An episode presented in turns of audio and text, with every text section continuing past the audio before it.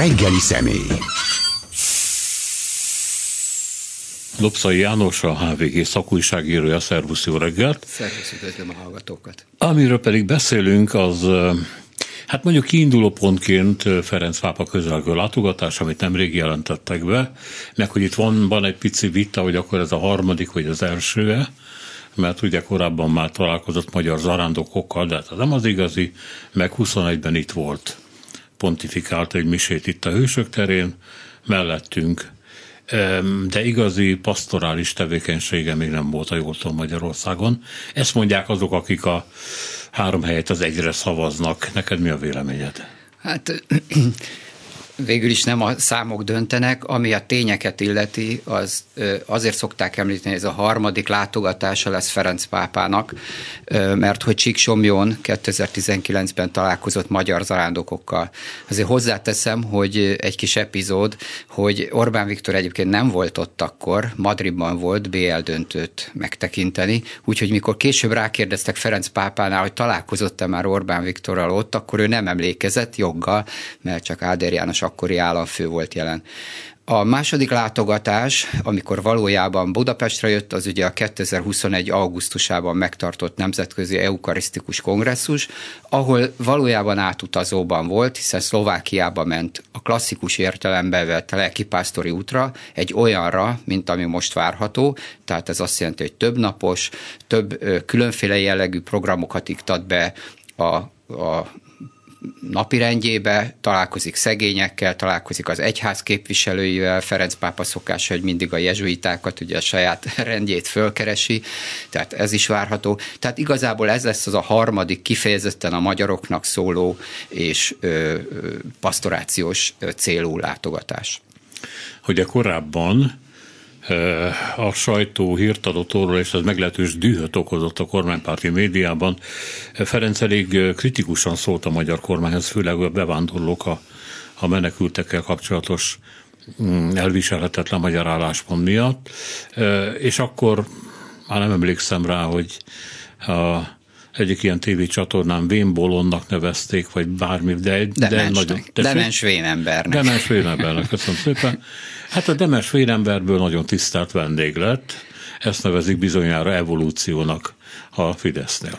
Igen, hát ez egy nagyon érdekes történet, egy nagyon picit előrébről kell kezdeni, nem olyan nagyon, egy kicsikét. Ugye gyakorlatilag, amikor Ferenc pápát megválasztották, és ez a nagyon közvetlen egyszerűségével megjelent a világegyház élén, és hozzátartozott ehhez olyan szociális jellegű megnyilvánulások, ami eleinte a szegénységről szólt, majd amikor a menekült probléma eszkalálódott, akkor a menekültek kerültek a középpontjába, amivel ugye látszólag, vagy nem is látszólag, szembe került valójában azzal a kommunikációval, amit Orbán Viktor és kormánya folytatott. Orbánék kezdetben úgy tekintettek rá, hogy Ferenc pápa megválasztása egyfajta ilyen üzemi baleset a pápaság történetében, majd jön a következő, ővele jóban leszünk. A helyzetben még bejátszott az is, hogy Benedek pápa élt, és emeritus pápaként olykor meg is nyilvánult kérdésekbe, ugye azt lehetett látni a magyar kormány közeli sajtóban, hogy az igazi pápádnak Benedeket tekintettek, és amit idéztél is, hogy Ferenc pedig, akit Bayer Zsolt nemes egyszerűséggel demens vénembernek tekintett, nevezett. Az az érdekes, hogy Ferenc pápának mindig a politikai jellegű megnyilvánulásaival foglalkoztak. Az, ami valóban a pápának a teológiai, dogmatikai kérdésekkel kapcsolatos megnyilvánulásai, azok lepattantak róluk. Tehát annyira egy politikai szereplőként tudták csak értelmezni, és tudják érzésem szerint. Ebben fontos volt Orbán számára egyfajta legitimációként, hogy mégis eljöjjön ide Ferenc pápa, tehát ebben nagyon sokan kilincseltek Áder Jánostól kezdve Semmilyen Zsolton át Novák Katalinig, és nagyon nagy jelentős szerepe van Erdő Péternek, igazából én szerintem ő neki van a legjelentősebb szerepe, akinek valóban a vatikáni diplomáciában nagyon ö, ö, bejáratos embernek tartják, hiszen a NECRE, a Nemzetközi Eukarisztikus Kongresszusra valóban idehozta a világ színe javát egyházi vezetőket, nem csak a katolikus egyházból, és Ferenc pápa tett is arra utalást, hogy neki az egy nagy élmény, élmény volt Budapesten, hogy ökumenikus jellegű volt. Talán emlékeznek a hallgatók a Szép Művészeti Múzeumban, mindenféle Magyarországi Egyház vezetőjével találkozott. Tehát ő akkor is azt próbálta ennek a egyházi liturgikus jellegét erősíteni, és nem pedig ezt a politikai vonatkozásait, ami óhatatlan látogatás szempontjából, hogy megtörténjen találkozni államfővel, miniszterelnökkel. Amit említettél Erdő szerepéről, az azt jutott, mutatja, hogy, hogy ő valamiképpen közelebb van, szemben egyébként a Magyar Katolikus Egyházzal, aminek a szeretet rohamaival nem kell megbirkózni a pápának, mert ilyenek nincsenek, de ő közelebb van, ez vagy pedig ő egy olyan pragmatikus vezető, vagy esetleg olyan vezető, aki nem különösebben kedveli, de hát ő a pápa, és akkor vele kell dílt kötni. Hát Erdő Péter mindenképpen a pápát elismeri. Az más kérdés, most nem érzelmekről beszélünk, hanem a hierarchiában a, a fölötte álló szerepét kétség nem fér hozzá. Ezt egyébként a magyar katolikus püspökök zöme is így teszi. Más kérdés, hogy ez a bizonyos érzelmi faktor, ez mondjuk úgy keveseknél játszik. Amit én, amit látok, Erdő Péter Bíboros a vatikáni diplomáciában nagyon fontos szerepet töltött be. Ő ugye nagyon fiatal, 50 évesen lett bíboros, az magyar viszonylatban is egyedülálló, őt még ugye második János Pál nevezte ki. Nagyon fontos és megújító szerepe volt az akkori katolikus, magyar katolikus egyházban, és ezt Vatikánnal nagyon jó harmóniában követte el, fogalmazhatok így. Ő meghonosította például újra, hogy egy püspök nem az, hogy bezárkózik a püspöki palotájban, vizitációkat tart, kimegy helyszínre, egy-egy hétvégét egy-egy plébánián tölt, nem csak a papokkal találkozik, hanem hívekkel. Nagyon újító módon volt. Én úgy látom, hogy később egy kicsit egyrészt őt a vatikáni diplomácia részint beszippantotta, ő ott nagyon sok funkciót kapott, másfelől valóban őt mondjuk az egyháznak ahhoz a konzervatív vonalához sorolják, amelyeknek inkább, és ez meg kiütközött, amikor őt a család, családi színódusnak a fő relátorává választották, ez azt jelenti, hogy összegerebézi az egyes országokból a véleményeket, és az közvetít közvetíti a pápa felé, maga a színódus az ugye a pápának egy ilyen tanácsadó testülete. Ott például előjöttek ezek a gender kérdések, ő minden ilyen kérdésben nagyon hagyományosan a, a katolikus egyháznak azt a fajta, most leegyszerűsítve mondom, dogmatikus teológiai álláspontját képviselte, amit egyébként hozzáteszek, Ferenc pápa megnyilatkozásaiban is benne vannak, csak Ferenc pápa mindig hozzáteszi az embert, és ő az emberre tekint elsősorba, és azt mondja, a hitigasságok azok nem furkos botok, amikkel agyon kell csapni, aki nem úgy él, ahogy mi elvárjuk. Ez az alapvető különbség a Ferenc pápa által képviselt álláspont, meg talán a Magyar Katolikus Egyháznak a jelenlegi hát kommunikációja között. És egyébként a magyar püspökök jó részének mi a baja? Ferenc, túlságosan liberális? A menekült kérdésben valóban nehezen fogadták el a, az álláspontját. Nem mindegyik, azért hozzáteszem, nem lehet egy homogén ö, püspöki karról beszélni. Itt valóban, most ha leegyszerűsítem, a nagyon, nagyon kormányközeli püspöktől a liberális püspökig, illetve olyanokig, akinek ö, akinek a teológiai nézetében konzervatív, ugyanakkor ez az emberekhez fordulás, hogy nevesítsem Széke János püspök például a menekült ügy idején a öcsényi menekülteket, akiket nem fogadott be az a település, azoknak felajánlotta például a püspöki palotáját, hogy oda fogadja, folyamatosan foglalkozik a cigány, cigányokkal. Kaposvári püspök szintén, ilyen Panonhalma szintén egy, egy képviseli, ha hogy egyszerűsíthetem azt a Ferenc álláspontot, ami azzal áll ellentétben, akkor most Orbán Viktor szavait idézem, hogy itt a kereszténység bástyáit kell védeni. Nem. A másik álláspont az, amit Ferenc pápa és néhány magyar katolikus püspök is képvisel, az egyház nem egy, egy épület, az egy sátor, az az emberek között van, az, az nem egy szilárd valami, egy műemlék, hanem, hanem az emberek között kell élni. Ez összefügg azzal, hogy Ferenc pápa, ugye, aki a második vatikáni zsinat után lett fölszentelve, és egy olyan városból jön, Buenos Aires, egy megapolis, ahol a katolikusok kisebbség kisebbségben voltak. Ő megtapasztalta, hogy milyen az a kisebbségi lét, hogyan kell a mai világ nyelvén megszólalni, és nem azt várni, hogy tessék hozzánk jönni és igazodni. Azt hiszem, hogy ez az, amit tanulgat a Magyar Katolikus Egyház, és ez az, amiben nagyon belerondított a politika azzal, hogy anyagilag kiszolgáltatottá tette őket, így aztán olyan megnyilvánulásoktól is óckodnak, ami alapvető szükséglet lenne. Hát igen, ezt mondja legalábbis a katolikus értelmiség, amelyik hát egyre inkább válik le erről a püspöki karról, és viszont ugye keserű magányában és zárványában nincs hova fordulnia igazából.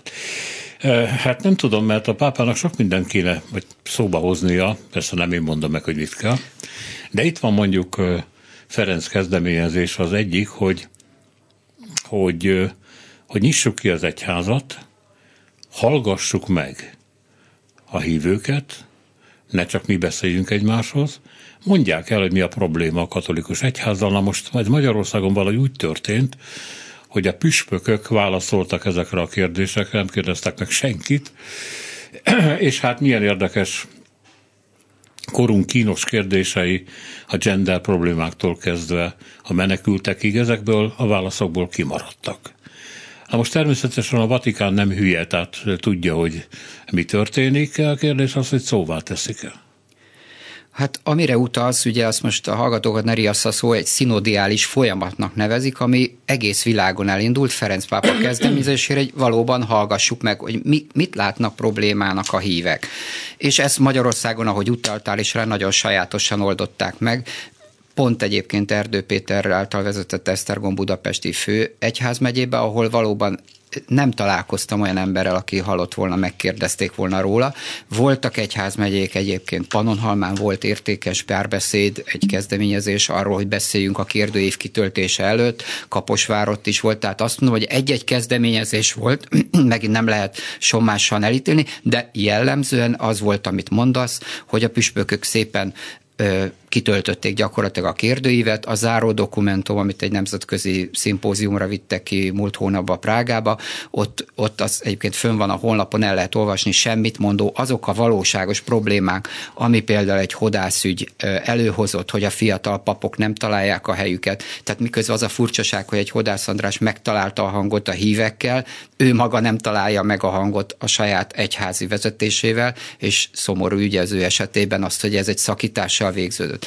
Tehát, hogy, hogy itt akkora a szakadék, a Ferenc úgy mondja, hogy klérus, ugye a, a klérus az, az valójában szó eredetét jelent, vagy a papság, a papság intézi a dolgokat. Nálunk úgy történik, hogy ha valami feladat van, akkor elsőre az jut ez, azt egy pappal kell megcsinálni. És mi történik az a szerencsétlen pappal?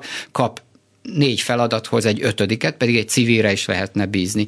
Ebben nem hajlandó, úgy érzem, a klérus kiengedni a kezéből dolgokat, és ennek az a következménye, hogy hogy egy mély szakadék keletkezik a hívek és a papok között nem azok a fő problémák, amit emlegetni szoktak, hogy a cölibátus. Ez is egy kérdés, bár papok szokták mondani, ez leginkább a laikusokat izgatja. Sokszor mondják, hogy például a cölibátus eltörlése az, az megoldana bizonyos problémákat, de látjuk a, a protestáns lelkészeken, akiknek családjuk van, sokszor ugyanazokkal a problémákkal küzdenek, ugyanazzal a kiégéssel küzdenek, amit egyébként bármely hát talán, civil... De talán a gyerek zaklatás az kevésbé írja le ezeket az egyházakat, nem? Ö, itt is azt gondolom, hogy, hogy legyünk méltányosak. Azt gondolom, hogy a katolikus egyházban egyébként a Panonhalmi eset kapcsán indult el egy olyan értelemben jó folyamat, hogy egy, egy megfelelő jelzőrendszer ki, kiépült. Szerintem én meglátásom szerint a pedagógiában sincs a, a, a világi iskolahálózatban olyan jó jelzőrendszer. Ami a fő probléma, és méltán vetik a, a szemükre, hogy a múlttal való szembenézés nem történik meg. Hozzáteszem, nagyon nehéz bizonyos dolgokat én személyesen is ismerek olyan ügyet, ahol a, a Ferences rend például eljárt egy évtizedekkel ezelőtti zaklatási ügyben, e, hozzáteszem nem is az áldozat fordult hozzájuk, hanem csak valahol egy újságban el pöttyintette az illető, hogy ő vele is volt ilyen, és ennek olvastán elindult egy eljárás, egész Vatikánig jutott az illető papot fölmentették, majd a pap visszaperelte az egyházat, hogy a hitelrontás véget, stb. És most abban a helyzetben van a Ferences rend, hogy védekeznie kell a világi bíróságok előtt egy több évtizeddel ezelőtti esemény miatt. Ezzel csak azt mondom, hogy nagyon nehéz problémákat vet föl, de az, hogyha nem is foglalkozunk vele a, a múltban történt zaklatásokkal, mm. akkor az áldozatok úgy ér, érzik, hogy ők nem is léteznek. És ugye erre jó példa volt itt a Pető Attila ügy, ahol, ahol egy jó indulatú, az egyháztól nem elszakadt fiatalember ö, ö, kért kérte, hogy kérjenek tőle bocsánatot, és ez évekig tartott. És ebbe a procedúrában... És nem kértek bocsánatot. Volt egy nagyon halvány bocsánatkérés, körülbelül 5-6 éve után, de könyörgöm, hát miért nem lehetett az első pillanatban odaállni mellé, és, és, az, és a igazság kiderítése mellett is nem azt feltételezni, hogy te, a te állításaidat hamisak, és rásütni, hogy egyház ellenes támadás. Nem egyház ellenes támadás. Ahogy az egyházat érő egyéb kritikák sem egyház ellenes támadások. Úgy játszik a papság, hogy kimegyünk a focipályára, ja, bocsánat, első lecseleznek, na hát én pap vagyok, engem nem szabad lecselezni. Ma bokámba meg végképp ne rúgjanak. Nem, nem így működik. Ha kint vagyunk a pályán, akkor abban mindenben van, bevegyünk a darálóba. És ezt vállalni kell. Ezt nem vállalja a katolikus egyház. Van dolga Ferencnek a magyar katolikus egyházzal? Tehát úgy értem, hogy mikor ide jön, akkor ez mondjuk egy ilyen passzolizációs feladat, tehát a tömegekhez akar beszélni, a magyarokhoz akar beszélni, lelkükre akar hatni, megpróbál foglalkozni a, azokkal a problémákkal, amikről föltételezhető, hogy érdekli őket. De ugye ott van a saját katolikus egyház szervezete, vagy annak egy része a magyar. Itt van valami dolog, amit ő el tud végezni, vagy el akar? A legutolsó legutolsó, tehát a, a Nekken, az Eucharisztikus Kongresszuson elmondott beszédében azt mondta, hogy azt kérem, hogy híd legyetek. Na most, ha megnézzük az azóta eltelt két évet, vajon ö, híd szerepet betöltötte a katolikus egyház, de hozzáteszem azért itt azonos cipőbe járnak számos egyház. Ö, és itt vissza kell térnem arra fajta például anyagi kiszolgáltatottságra, ami látjuk, hogy szordinót tett minden egyházra, amelyik jelentősebb, amelyik pénzt kap, amelyik támogatást kap. Ahogy ez Sólyom László elnök, aki nyugdíjas napérja megtanult olaszul és lefordított Ferenc pápáról egy könyvet, és volt szerencsém nekem bemutatni, a, a, a bemutatón fogalmazott úgy, hogy ma már állami egyházügyi hivatalra sincs szükség, ott van erre a pénzügyminisztérium. Ha leállítják a pénzt valahol, akkor ott súlyos bajok keletkeznek. Tehát tulajdonképpen tulajdonképpen ezért nem tudja ellátni azt a fajta szerepét a katolikus egyház, meg egyébként hozzáteszem a többi történelmi egyház, mert az első pillanatban pénzelvonással sújtják, amikor bajba kerül, és ugye ráborítottak egy hatalmas intézményhálózatot, amit Erdő Péter helytelenített kezdetektől fogva, ő látta azt, hogy nem lesz erre elég szakember, de ugyanakkor vannak olyan egyházmegyék, például a Kis Rigó László Szeged Csanád megyei egyházmegyé, amelyik óriási intézményhálózatot vett magára, sőt, túlterjeszkedett a saját püspökség területén, ma már a gyermekvédelmi intézményeknek több mint a fele az tulajdonképpen egyházi fenntartásban van, és ennek zöme Kis Rigólához, Lászlóhoz tartozik, beleértve az Zánkai egykori úttörőtábort. Ez egy olyan folyamat, ami most működik, amikor az állam kegyéből megfelelő támogatás jön, de uram, bocsá, változik a politikai széljárás, akkor, akkor ez az intézményrendszer pillanatok alatt összeomlik. Ez ugye az iskolákra is érvényes, mert valami egészen magas számot hallottam a gimnáziumokkal kapcsolatban, hogy e, milyen százalékban vannak egyházi kézben, és hát a 50 százalékot közelíti. Hirtelen ezt nem tudom. A tény, hogy a középiskolai szegmensben ott sokkal magasabb az arányuk. Az általános iskolában is háromszorosára nőtt, ott úgy emlékszem 15 százalék körül, ami szintén egy nagy 10 év alatt 5-ről 15 százalékra nőni. Itt a, itt a leglényegesebb probléma az, hogy nincs ehhez meg a, a úgy szokták mondani, humán erőforrás. Tehát attól, hogy kiírja egy táblára, az iskola táblára, hogy, hogy egyházi az iskola, attól annak a szellemisége még nem lesz egyházi, semmiképp nem lesz hiteles attól, hogy, hogy ott, hát ugye zömében általában olyan tanárok tanítanak, akik már világnézetileg sem feltétlenül elkötelezett hívők, hiszen nincsen annyi ember. A, a másik probléma, hogyha ezekben az iskolában bármi történik, akkor tulajdonképpen az egyházaknak viszi a rossz hírét, tehát nagyon sok felek, nem felekező szerzetes rend úgy döntött már rendszerváltáskor, hogy nem vesz át iskolákat, pont azon megfontolásból, csak amit el tud látni. Ami a, a rákfenéje most a dolognak, és ez egy friss fejlemény, ugye ez a legutóbbi törvényjavaslat, hogy 2010 után, amikor az önkormányzatoktól elvették azt a forrást, hogy az iskoláikat működtessék, akkor, hogy ne kelljen tankerületnek adni, zömmel inkább szülőjükkel megszavaztatva egyházaknak adták oda az iskola működtetését, de az épületet nem. Most semmilyen Zsolt decemberben újra nyittatta a kárpótlási törvényt és kártalanítási törvényt, és ennek apropóján azok az épületeket, amikre nem mondtak le az önkormányzatok, most állami segédlettel, kártalanítás nélkül einstein lehet. És szintén sajnos hivatkoznom kell Kisrigó László püspök, meg se várta a, a február 28-i időpontot, amíg be lehetett jelenteni azt az igényt, hogy melyik iskolát kérik meg, hangsúlyozom, itt olyan iskolákról van szó, amik soha nem voltak az egyházai, tehát igen, itt nem igen. kártalanításról van szó már 28 27-én, 28-án kézbesítették azokat a leveleket polgármestereknek, hogy ide az iskolákat. Na most kérdésem az, hogy ez mennyiben fogja segíteni úgymond a katolicizmus, vagy bármilyen vallás hit, hitbéli dolognak az ügyét. Én szerintem inkább elrettenti, és ezt sajnos kevesen látják a Hát a rendszer nem igen foglalkozik ezzel, úgy gondolja, hogy ha elég ereje van átnyomni valamit, és van ereje, hogy kézben tartsa azokat a társadalmi rétegeket, amelyek neki kiszolgáltatottak, akkor ezt meg fogja tenni. Egyébként meg a dolog az bizonyítja, amit én régóta gondolok, hogy, hogy Orbán át akarja játszani a közoktatást mindenképpen a, az egyházaknak annál is kézből. még inkább a szociális szférát, ahol, mint már utaltam rá, már előre haladott, és bizonyos területek, gyerekvédelem területén már 75%-os a fenntartói arány. Nem vagyok boldog, hogy a katolikus egyház folytatja a gyerekvédelem felügyeletét. Hát, hát ez is, ez is ne haragudj, nem. bizarul hangzik a mostani körülmények között, de hát utalhatunk a legutóbbi szociális törvény módosítására, ahol ugye megfordították a sorrendet, eddig úgy volt, hogy az állam felelős szociális területen, és akkor ugye jött valahol, a, valahol az egyén, valahol az egyházak, most megfordult, ugye az egyén a saját szempontjából, Mint aztán az rokonai. kérték, hogy őket sorolják át. Igen, jött volna az egyház, ott bejött volna, és ők kilobbizták maguknak, hogy nem, ők kerülhessenek a sor végére, szóval ez is egy érdekes dolog, hogyha lobbizok valamiért, akkor hitelesebb az, hogyha nem csak a saját érdekeimért lobbizok, sajnos itt is az történt, elérték valóban, hogy őket megelőzően szociális területen egyéb teendőik vannak a karitatív szervezeteknek, önkormányzatoknak, majd pedig jönnek a sor végén. Tehát én ezt mondom, hogy a, a szociális területen előrébb haladott az, amire utaltál, mint az oktatás területén, uh-huh. ugyanakkor egyik sem, egyik sem jó folyamat.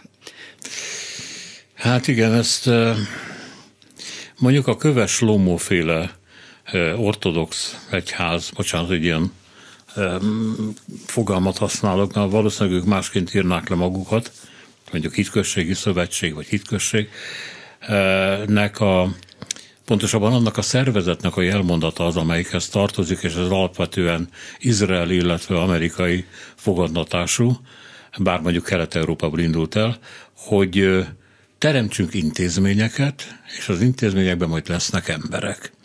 És hát ez folyik egyébként a egyházakkal szemben is, hogy nyomják rájuk az állami intézményeket, mert hogy a gyerekek, a, a, a tanulóknak majd nem lesz máshova menniük. Hát akkor, ha csak egyháziskolák vannak, akkor oda kell menni. És akkor így az egyházak mégiscsak rákényszerülnek arra, hogy, hogy egy olyan hihetetlenül földúzasztott szerepet vállaljanak, amit nem, ami nem volt az övék soha.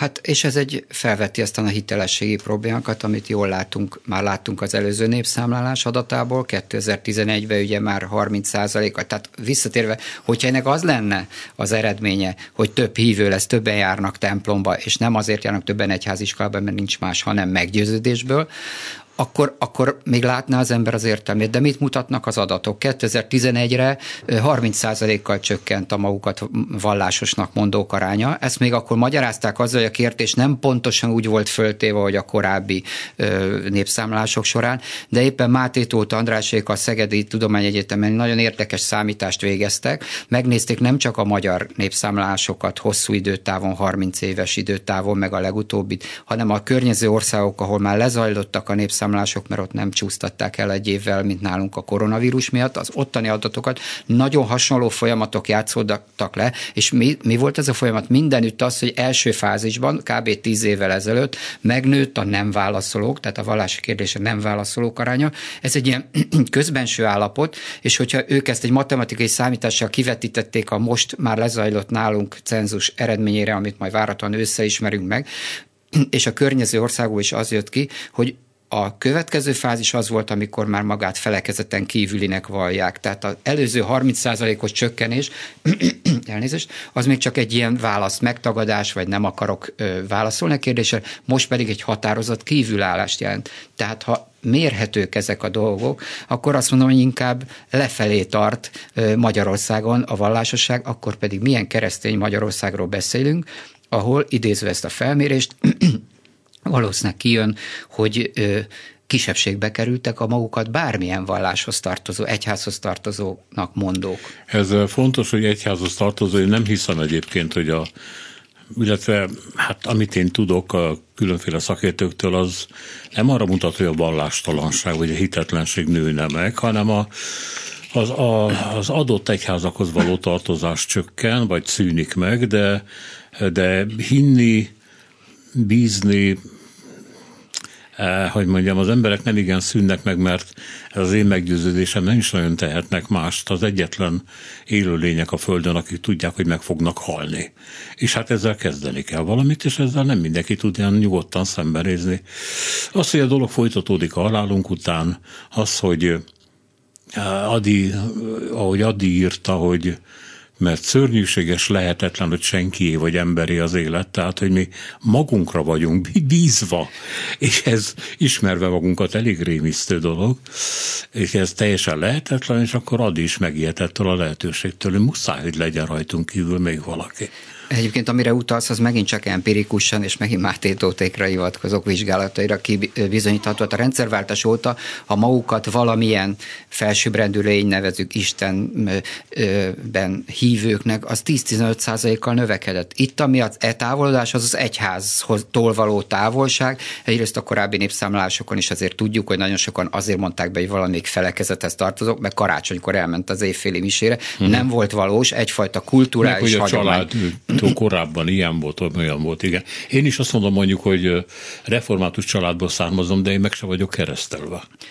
Ugye? Tehát olyan sok jog, jogom ez nincs. Igen. És, és tulajdonképpen az egyház, egyházak válsága az ilyen értelemben mindenféle intézményes válsággal összefügg, hiszen az emberek egyre nehezebben kötődnek egy adott szervezethez, ez minden, az élet mindenféle területén elmondható.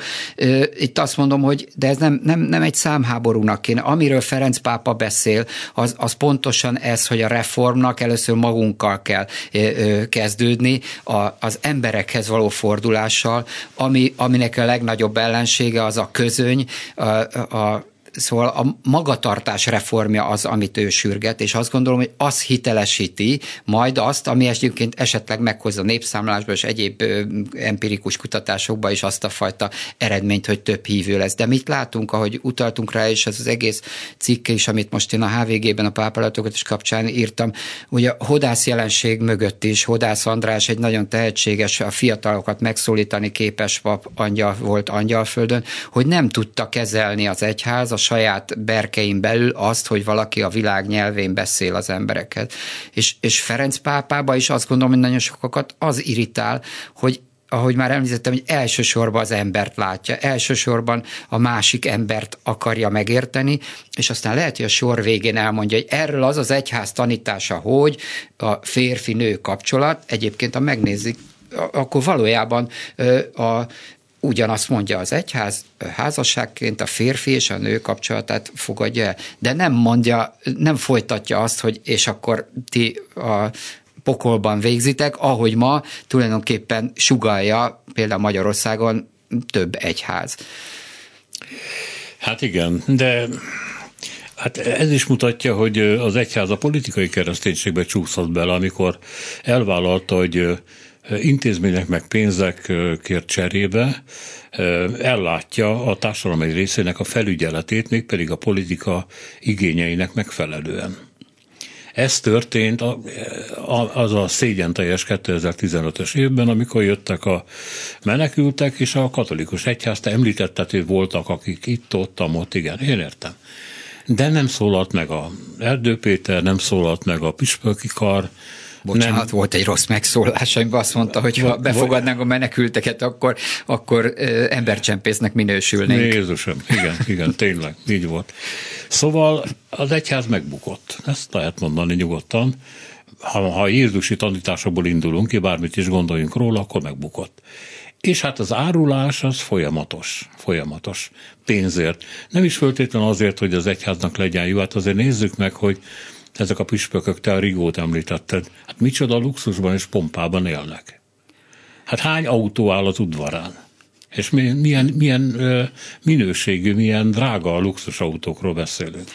Ebben én, én személyes tapasztalat, Kisrigó László püspöknél nem jártam, még több, több püspököt ismerek, ott nem igaz, eh? tehát nekem van a már említett székelyes püspök, aki egy Suzuki-val jár, én ültem benne körülbelül egy évvel ezelőtt. Akkor Rigóval kapcsolatban visszavonom. Kisrigó Lászlót nem tudom, én mondtam, hogy csak hogy ne, nem általánosítanék, tehát, és, és például azt is látom, hogy miközben hatalmas pénzek mennek az egyházaknak, és ami a legbosszantóbb, ugye járvány címén. Ugye látjuk, amikor Balogh Zoltánt egyébként a, a református zsinat élére megválasztották, hozzáteszem, hogy ilyen még nem volt, hogy valaki politikából menjen, olyan volt, hogy református püspök ment a politikába, fordítottját csak most Balogh Zoltánnal történt meg, amelynek érdekében még a református zsinat szabályait is módosítani kellett, mert nem volt meg a tíz éves egybefüggő folyamatos lelkészi szolgálata, és rögtön, ahogy megválasztották püspöknek, kapott 12 milliárd forintot a református egyház kiegészítő támogatásként. Tehát rengeteg pénz megy,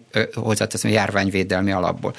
Tehát rengeteg pénz megy ilyen-olyan címen, ugyanakkor nagyon sok, mostanában jár, most voltam például egy vidéki plébánosnál, aki több évtizedet végig dolgozott, most éri el a nyugdíjkort, az egyháztól 80 ezer forint nyugdíjat kap, és az, hmm. kiegész, az államtól 80 ezer nyugdíjat kap, amit kiegészt az egyház megyek 200 ezer forintra. Tehát óriásiak a különbségek ott is, hogy amit említesz, hogy nyilvánvalóan megvan ez a luxus effektus, a másik végén megvan a, a szegény papok példája, de egyébként Hodász András mesélte nyilvánosan, tehát nem, nem titkot árulak, hogy a választások előtt, ő ugye plébános volt ott Angyalföldön, egyszer csak karácsonykor megjelent minden plébános számláján egy millió forint, nem ér értették, hogy micsoda. Hát a választások előtt egy kicsit közérzetjavító ö, ö, ö, sommát kaptak.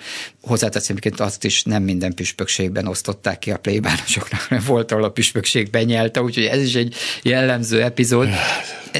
De mielőtt teljesen homogénen és, és, és azt mondanánk, hogy itt minden rossz, én azt gondolom, hogy nagyon sok olyan kezdeményezés van minden egyházban, ami igyekszik tényleg megszólítani az embereket. Nagyon érdekes az a jelenség is, hogy, hogy például a városban városi értelmiségiek járnak leginkább templomba, hogy hova lett az a bizonyos népi vallásosság, amit mondanak, hogy, a, hogy az egyházaknak a bázisa, az a, most nem leértékelésként, az egyszerű ember volt, aki hagyománytiszteletből eleinte, mert szülei is így jártak templomba. Nem, ezek eltűntek a templomból, templomból, és például a vidék Magyarországon őket főként a kisegyházak tudják megszólítani, a szekták, amelyekkel lehet küzdeni, de itt is felmerül, hogy a példa lenne az, amivel ö, ö, be lehetne vonzani, vissza lehetne hozni azokat a híveket, akik esetleg más egyházak, kis egyházak elszipkáztak. Na de figyelj rám, ugye az egyházak mondhattak volna nemet. Mondhattak volna nemet.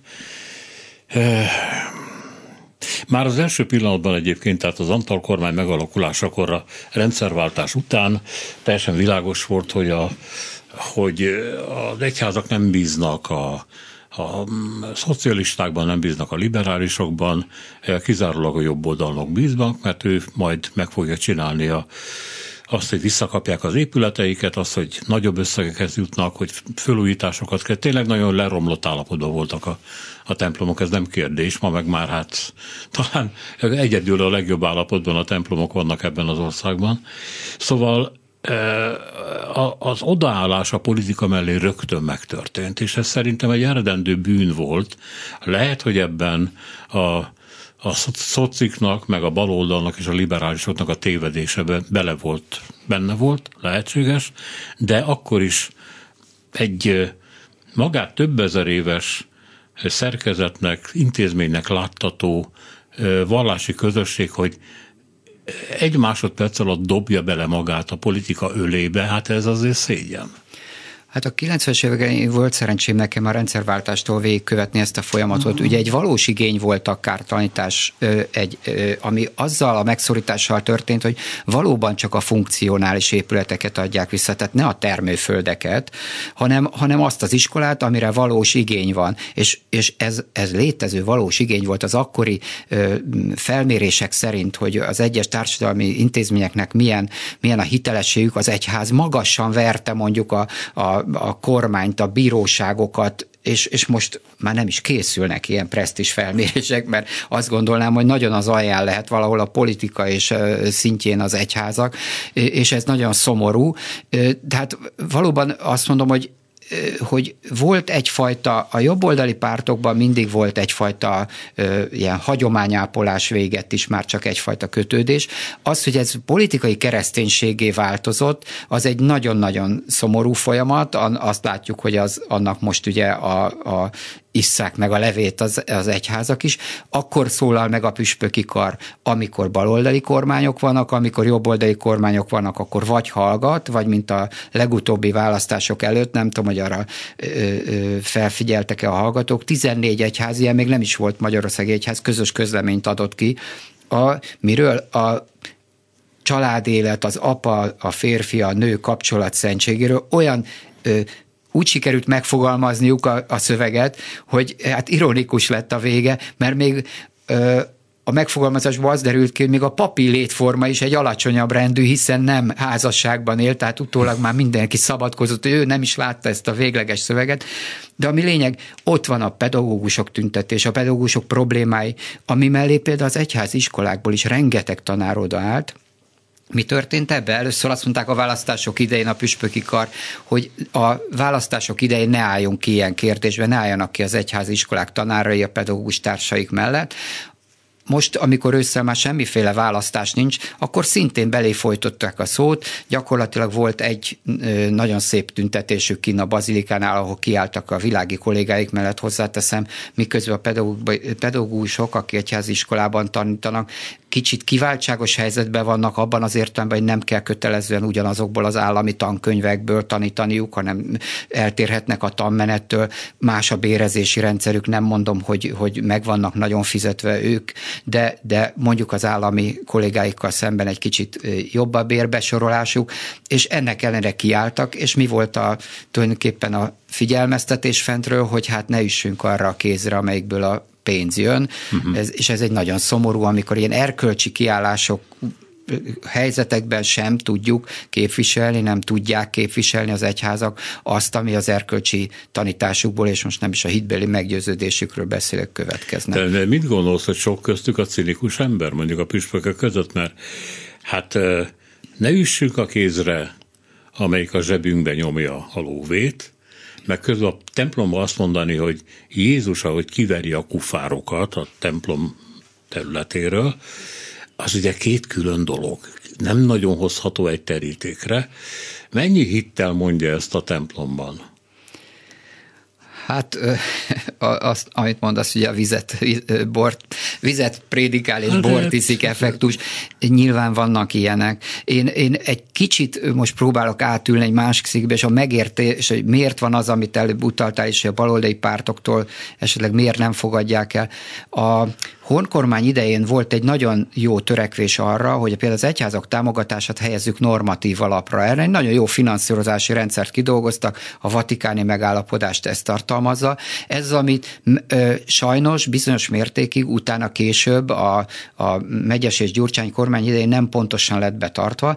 Értem ez alatt, hogy a normatív támogatásoknak a kiszámítása nem teljesen úgy történt, ahogy az a vatikáni egyezményből következik. Ebből következett egy olyan bizalmat bizalmatlanság, hogy ja, a baloldali kormányok nekünk soha nem adják meg azt sem, ami jár. Tehát az volna jó, és az vinné nyugvópontra az állam és egyház kapcsolatát, ha az egyház finanszírozásba is olyan normatív ö, ö, alapon születnének a döntések, amit nem rángat a mindenkori költségvetési törvénynek a vitája, mert ezektől függetleníteni lehetne. A, amit a Orbánék ezen a rendszeren ö, csavartak, az, hogy rendkívül sok olyan támogatást adtak, ami ezeken a alap egyházfinanszírozási dolgokon felül jár, és mindenféle jogcímen már említettük, hogy a járványtól kezdve...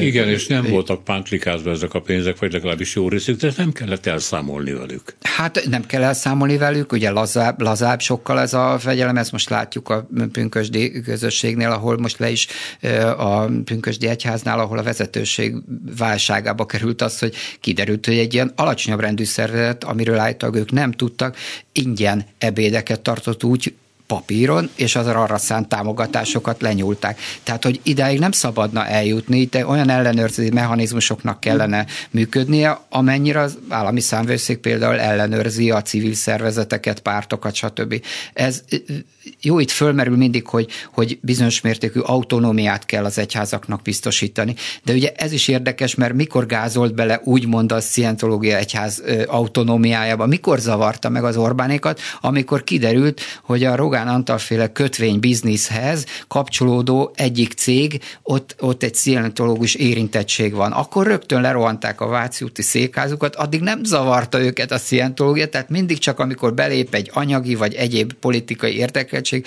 akkor kezdődik meg az a fajta ellenőrzés. És amire utalok még, hogy a, hogy a baloldal szembe például egy bizalmatlanság, hogy ott is egyfajta érzéketlenséget a tekintetben látok, konkrét példát mondok, amikor előjöttek ezek a zaklatási ügyek, a DK előállt egy olyan javaslattal, hogy a papok a gyónási titkot megszegve kötelesek legyenek jelenteni azt, hogyha ő nekik egy zaklatás a tudomásukra jut. Ez, ez azt kell mondjam, hogy joggal fél egy szakma, mert ha mondjuk az ügyvédeknek holnapnak az, holnap ugyanezt mondanánk, akkor, akkor azt mondja, hogy, hogy az, ez egy olyan fél, mérvű beavatkozás a szakmámba, amikor szembe kerül az én hivatástudatom, és az állami törvények. Márpedig az egyház több ezer éves története azt mutatja, hogy amikor a, a, a hivatásból eredő kötelessége, itt most jelen esetben a gyónási titok védelme áll szembe egy világi törvényel, akkor ő neki a saját egyháza és a lelkismeret a parancsát kell követni. Hozzáteszem egy jó érzésű pap, akinek meggyón valaki egy zaklatási problémát, az nem fogja azt mondani, hogy mondja három miatyánkot és rendben van, hanem egyértelműen azt fogja neki mondani, hogy ezt és ezt tedd meg, menjél jelentkezzél, vagy az áldozatot kerest fel. Tehát ennyi jó indulatot pedig feltételezni kell. Tehát én azért mondom, hogy itt egy bizalmatlansági légkör van, és a legjobb az lenne, hogyha egy ö, olyan politikai klíma lenne, amiben bízik az egyik fél is a másikban, a, jelenség megkapja azt a támogatást, amire a működéshez valóban szükség van, de nem többet, és, és másfelől pedig a másik fél pedig hagyja az ő működését, a vallásszabadságot. Ez az egy dolog, amit az egyház elvárhat az államtól, biztosítsa a vallásszabadságot. Hát igen, ezt mondom, hogy és, és nemet kéne mondani a lopott pénzre. Mert az, amit, amit kapnak ugye elszámolás nélkül, pántrika nélkül, az az bizony lopott pénz lesz egy idő után. Na jó, a magyar köz, vagy mondjuk középrétegekről kérdeznélek még, hogy az alkalmazkodás a, a az Orbán rendszerhez az elmúlt 12 évben megtörtént, ezeken a középrétegeken belül nagyon jelentős mértékben. Nem is véletlenül, hiszen különféle átételeken keresztül nem ment rosszul a sora. Ennek aztán vége lett a járványjal, a háborúval, meg a iszonyatosan elrontott gazdaságpolitikákkal, az eladósodással, meg a, meg a csődökkel. Eh, tehát a középosztály most kezdi érezni, hogy hogy már nem jön ki a pénzéből, hogy sokkal nehezebb a sorsa, stb. stb. Mennyire fogadta el, hogy ennek például olyan ára van, hogy templomba kell járni? Tehát jártak-e templomba? Megtették-e ezt a szívességet? Hát nem, a templomba járás az biztos, hogy nem növekedett. Ha már utaltam azokra a felmérésekre, az a 500 kötőjel 800 ezer ember lehet, aki egy vasárnap mondjuk Erre elmegy a mert nagyon sok helyen a szülőket megkérdezték, hogy szavazzanak akkor, hogy hol legyen a, a mondjuk a hittanóra, az, az iskolában, vagy azon kívül akarják, hogy az iskola az egyházokhoz tartozó, és akkor nagyon sokan mondták, hogy igen. Ugyanezek az emberek nem mentek el a templomba. Hát amit érdekes, mert ugye azt a, azt a problémát is boncolgatod, amit szintén Erdő Péter tett szóval, amikor a, a, kitalálták az Orbánik, hogy legyen a kötelezően választható hitoktatás, ugye ez azért mondom igen, így, mert igen. vagy hitoktatás, vagy erkölcstan. Ugye miből indult ki, hogy majd a, a, az egyházak jó állampolgárokat nevelnek, ez ugye jó, jó, jó, jó, alatvalókat, jó alatvalókat. Meg, meg hát amit az otthon a családok nem képesek belenevelni, majd az egyház, majd a papok megtanítják. Hát ez ugye kezdetektől látszott, hogy ez abszurditás. Erdő Péter pedig azért tiltakozott ellene, mert látta pontosan azt, hogy mi lesz. Az iskolában kipipálandó tanóraként a matekóra után, vagy a biológia óra után a 8. óra, 7. 8. órában lesz egy hittan, az a gyerek nem fog eljönni a plébániai hittanra, amelyik egy valóban azért volt lényeges, mert az bekapcsolta a közösségbe. A plébániáról volt egy hittanóra, ott a mellettelő templomba átment egy kis imádság, egy megbeszélés, egy szombati kirándulás, stb. Ha ez iskolai keretek közé szorult, ez teljesen kűrítette majd, hogy nem teljesen kiürítette a templomokból a, a, a, a fiatalokat. Nincsenek gyerekek, nincsenek fiatalok. Elmaradnak a, a, a templomból, ahogy mondod. Diákmisén részt vesznek, amiben szerepet játszik az, hogy például aki egyházi iskolába járnak, vinni kell egy kis igazolást, és akkor kérni a pecsétet, hogy itt voltam, ami szintén megkérdőjelezi annak az őszinteségét, hogy jó-e, hogy most parancsuralmi szóval odatoljuk őket, és akkor az iskolai igazolás miatt el kell menni. Amire utalsz viszont a középosztály, én nem érzékelem azt, elég ismerem, azt hiszem a közeget mondható, hogy, hogy, hogy ez a politikai hála megnyilvánulna abba, hogy akkor elmennének templomba. Itt pont arról van szó, hogy Orbán nem az foglalkoztatja, hogy az emberek hívők legyenek, és még több ember legyen a templomba, hanem valóban az, hogy a szavazatukat adják adott esetben az egyházra. És egyébként készült két olyan felmérés, azért azt is mutatja, hogy nem olyan homogén a hívők közössége. Ez egyiket a szemlélek blog csinálta, a másikat a jezsuiták folyóirata a szív, ez még a választások előtt volt, és nagyon érdekes volt, volt ami szöveges kifejtés is, pontosan látták a korrupció mennyire zavarja őket, a nepotizmus, a stb. stb. Ezzel szembeálltak másfelől, hogy valóban minden szólam ellen, a családpolitika minden szólama ellenére van egy félelem, volt egy félelem a választások előtt, hogy esetleg a, a családpolitikában azok a, azok a fajta juttatások elvesznek. Ez is foglalkoztatta őket, ugyanakkor nem jó szívvel szavaztak a kormánypártokra, és ez abban nyilvánult meg ebbe a két felmérésbe, hogy például 10% lett volna a kutyapártiaknak a szavazata szerint, amit én nem tudok másként értelmezni, mint egy protest, protest szavazás, tehát ugye, hogy sem hát ide, igen, sem nyilván. oda. Úgyhogy azért mondom, hogy nem lehet annyira homogénen, amikor beszélünk középosztályról. Én azt tapasztalom, elég sok ilyen közegből vannak információim, hogy, hogy nagyon nagy az elégedetlenség. Egyáltalán nincs egyfajta, van egyfajta elkötelezettség Orbán és pártja mellett, de, nem, de ez, egy, ez egy kisebbséget alkot. A többség az inkább a jobb hiány. Tehát azt mondom, hogy igazából leképeződik az, amit általában érzékelünk egy ilyen budapesti vagy nagyvárosi közegben, hogy, hogy, hogy a jobb nincs hiány. Más. Nincs más. Igen. Igen. És amit említettem előbb a DK példájával, hogy, hogy egy olyan bizalmi kapcsolatot, ha nem építenek fel az ellenzéki pártok, amiben azt mondják, hogy mi a hitéletedet békén fogjuk hagyni, mindent biztosítunk a vallásszabadsághoz, sőt, az iskoláid is megkapják azt a pénzt, amennyiben a közfeladatot átvállalod, addig a mértékig a hitéletet nem kell támogatni, azt kell támogatni, amennyiben az egyházak átvesznek az államtól feladatot. Az ahhoz tartozó pénzforrásokat kell biztosítani. Ez elég egyszerűen alkotmánybíróság számos döntéséből kiderül. Ez működhet ez a, ez a formája, és akkor nem a kézből etetés van. Hát csak még egy dolgot, hogy ö, ö, aki azt mondja, hogy nem tetszik a rendszer, és nem érzem jól magam, de nincs más, az miért nem mondja azt, hogy akkor nem megyek szavazni? Mert a, én nem tudom persze, hogy mennyire lehet hinni ezeknek a Ó, hát nagyon különféle adatokat, meg értékeket mutató fölméréseknek, na de a, a Fidesz nem csökkent olyan nagyon jelentős mértékben, azt lehetne mondani, hogy veszélybe van a, az Orbán hatalma.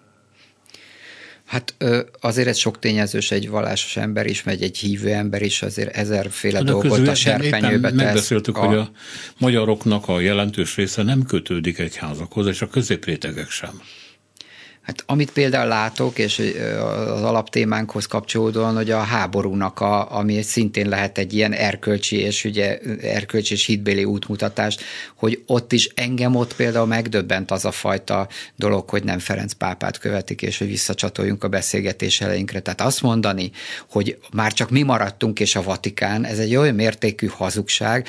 Hát tudjuk, Ferenc pápa, aki Kirillről azt mondja, hogy ne legyél Putyin minisztránsa, Kievbe már ellátogatott Vatikán külügyminiszteri szintnek megfelelő képviselettel, és, és, és miközben nyitva hagyja a kaput a diplomáciai közvetítésre, a valódi diplomáciai közvetítésre, a közben egy ö, Orbán rendszer hasonlóképpen eljátsza azt a bajt, a békepártiságot, hogy mi is tűzszünetet akarunk, stb. stb., de leszedetjük közbe Kirill Pátriárkát a, a szankciós listáról, az megdöbbent, hogy ez tapasztalom, hogy van egyfajta azonosulás mégis ezzel fajta Orbáni politikával, és ezt, ezt, ezt őszintén nem tudok válaszolni a kérdésre, nem tudom hova tenni, mert én azt gondolom, hogy egy, egy hittel, meggyőződéssel, lelkiismeretesen gondolkodó ember az ebben a Ferenci gondolkodást fogja magáévá tenni.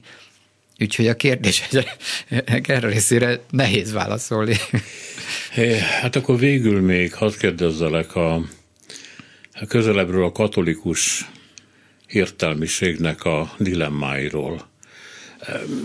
Némelyikükkel beszélgetve fölvetődik az, hogy, hogy, hogy jobb lenne egy egyház szakadás.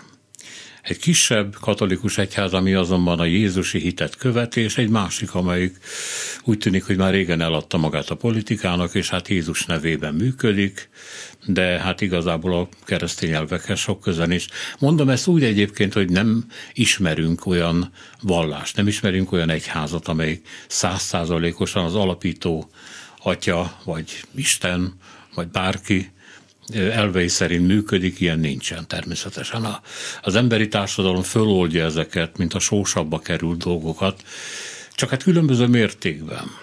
És az azért mindenképpen föltűnik, hogy jó, igen, vannak eltérések, vannak bűnök, ezek azok, amazok, de száz százalékig szembe menni egy egyház tagjaként az egyház tanításaival, hát azért az mégiscsak egy ilyen különös dolognak tűnik. Hát egyelőre még azoknak, akik még tudnak fölháborodni az egyházszakadás gondolatával én, én nem tudok mit kezdeni. Azt gondolom, hogy egy katolikus egyház tanítása szerint a legbűnösebb pap is, már pedig nincs bűntelen pap is, amikor az oltáron kiszolgáltatja úgymond a szentségeket, tehát misét mutat be, áldoztat, akkor ő egy azt a hatalmat gyakorolja, ami tőle független. Tehát ez tehát lehet egy pap ö, ö, politikailag jobboldali, elkötelezett, elvakult. Amikor ö, misét mond, akkor, akkor valójában ő, ő, ő nem az a a, most a nevét akarom mondani, vagy Gipsy Jakab, bocsánat, de nem akarom. Tehát, hogy ő akkor valami magán felülálló értéket képvisel a hívők felé. Tehát amíg ez sikerül ezt elfogadtatni, hogy annak ellenére menjen például templomba, nagyon sokakat tapasztalok, hogy például a prédikációt kimegy, mert nem tudja elfogadni, de a mise állandó részein végül is nem tud, nem tud eltérni a kötött szövegtől a pap, tehát meg tudja adni azt a fajta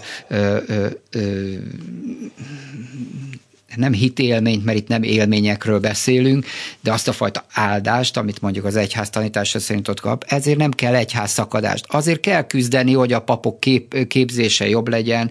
Ismét visszatérek a hodászügyhöz, ahol fölvetődik, hogy mennyire nem foglalkoznak a papoknak a, a, a kiégés elleni küzdelmével, azzal, hogy eleve arra trenírozzák őket, hogy a hívekkel ne, ne lépj szoros kapcsolatba, mert egy idő után úgyis elhelyezünk téged, ha meg elhelyeztünk, akkor ne, ne gyere vissza, mert akkor az a ront rontod az utódott helyzetét. Ez sok papot el is kényelmesít a, a tekintetben, hogy ó, nem is kell készülnem a prédikációra, ezeknek mindent el, mindent el kell fogadniuk, üljenek ott, mint a birkák. Látjuk, hogy nem ilyenek a mai hívők, nem olyanok, hogy azt mondja, hogy, hogy, hogy hanem akkor fogja is egy nagyvárosba különösen megteheti, hogy átmegy a másik templomba, és látjuk, hogy Angyalföldön, ahol Pál Ferenc van, Pál Feri atya, ahol ott volt a hodász is, ott zsúfolásig telt templom, kettővel arrébb megkong az ürességtől. Azt hiszem, hogy ez ilyen kiválasztódási folyamat, nem egyház szakadást fog hozni, hanem egyfajta ilyen koncentrikus köröket, hogy hol alakulnak ki ilyenfajta közösségek. Hozzáteszem, hogy azért vannak olyan papok, jobboldali érzelmű papok, fiatalok, Bese Gergely nev, ö, ö, ö, hozhatom példának, aki sajnos az oltár mellől is keményen politizál, de mivel jobboldali politikát, tehát oda von, bevonza azokat a híveket, akik, akik meg ezt szeretnék hallani. Én azt gondolom, hogy nagyon helyes az a vatikáni útmutatás, hogy a pap ne politizáljon, különösen a, a misén, de a sekrecsébe se, a sehol. Tehát a, a magán véleményként, ha én valakit ismerek papként, elmondhatja, ő mit hogy gondol, de ő azt a fajta egyházi tekintélyét, amivel rendelkezik, nem használhatja fel a hívők befolyásolására. Köszönöm szépen, hogy itt voltál. Lopszai János a HVG szakújságírója volt velünk az elmúlt több mint 50 percben. Herskovics Eszter, Gál Bence, Simon Erika, Petes Vivien, Bencsik Gyula és Szénás és Sándor köszöni ma reggeli figyelmüket is. Minden jót! Reggeli gyors. A Klubrádió reggeli információs műsora.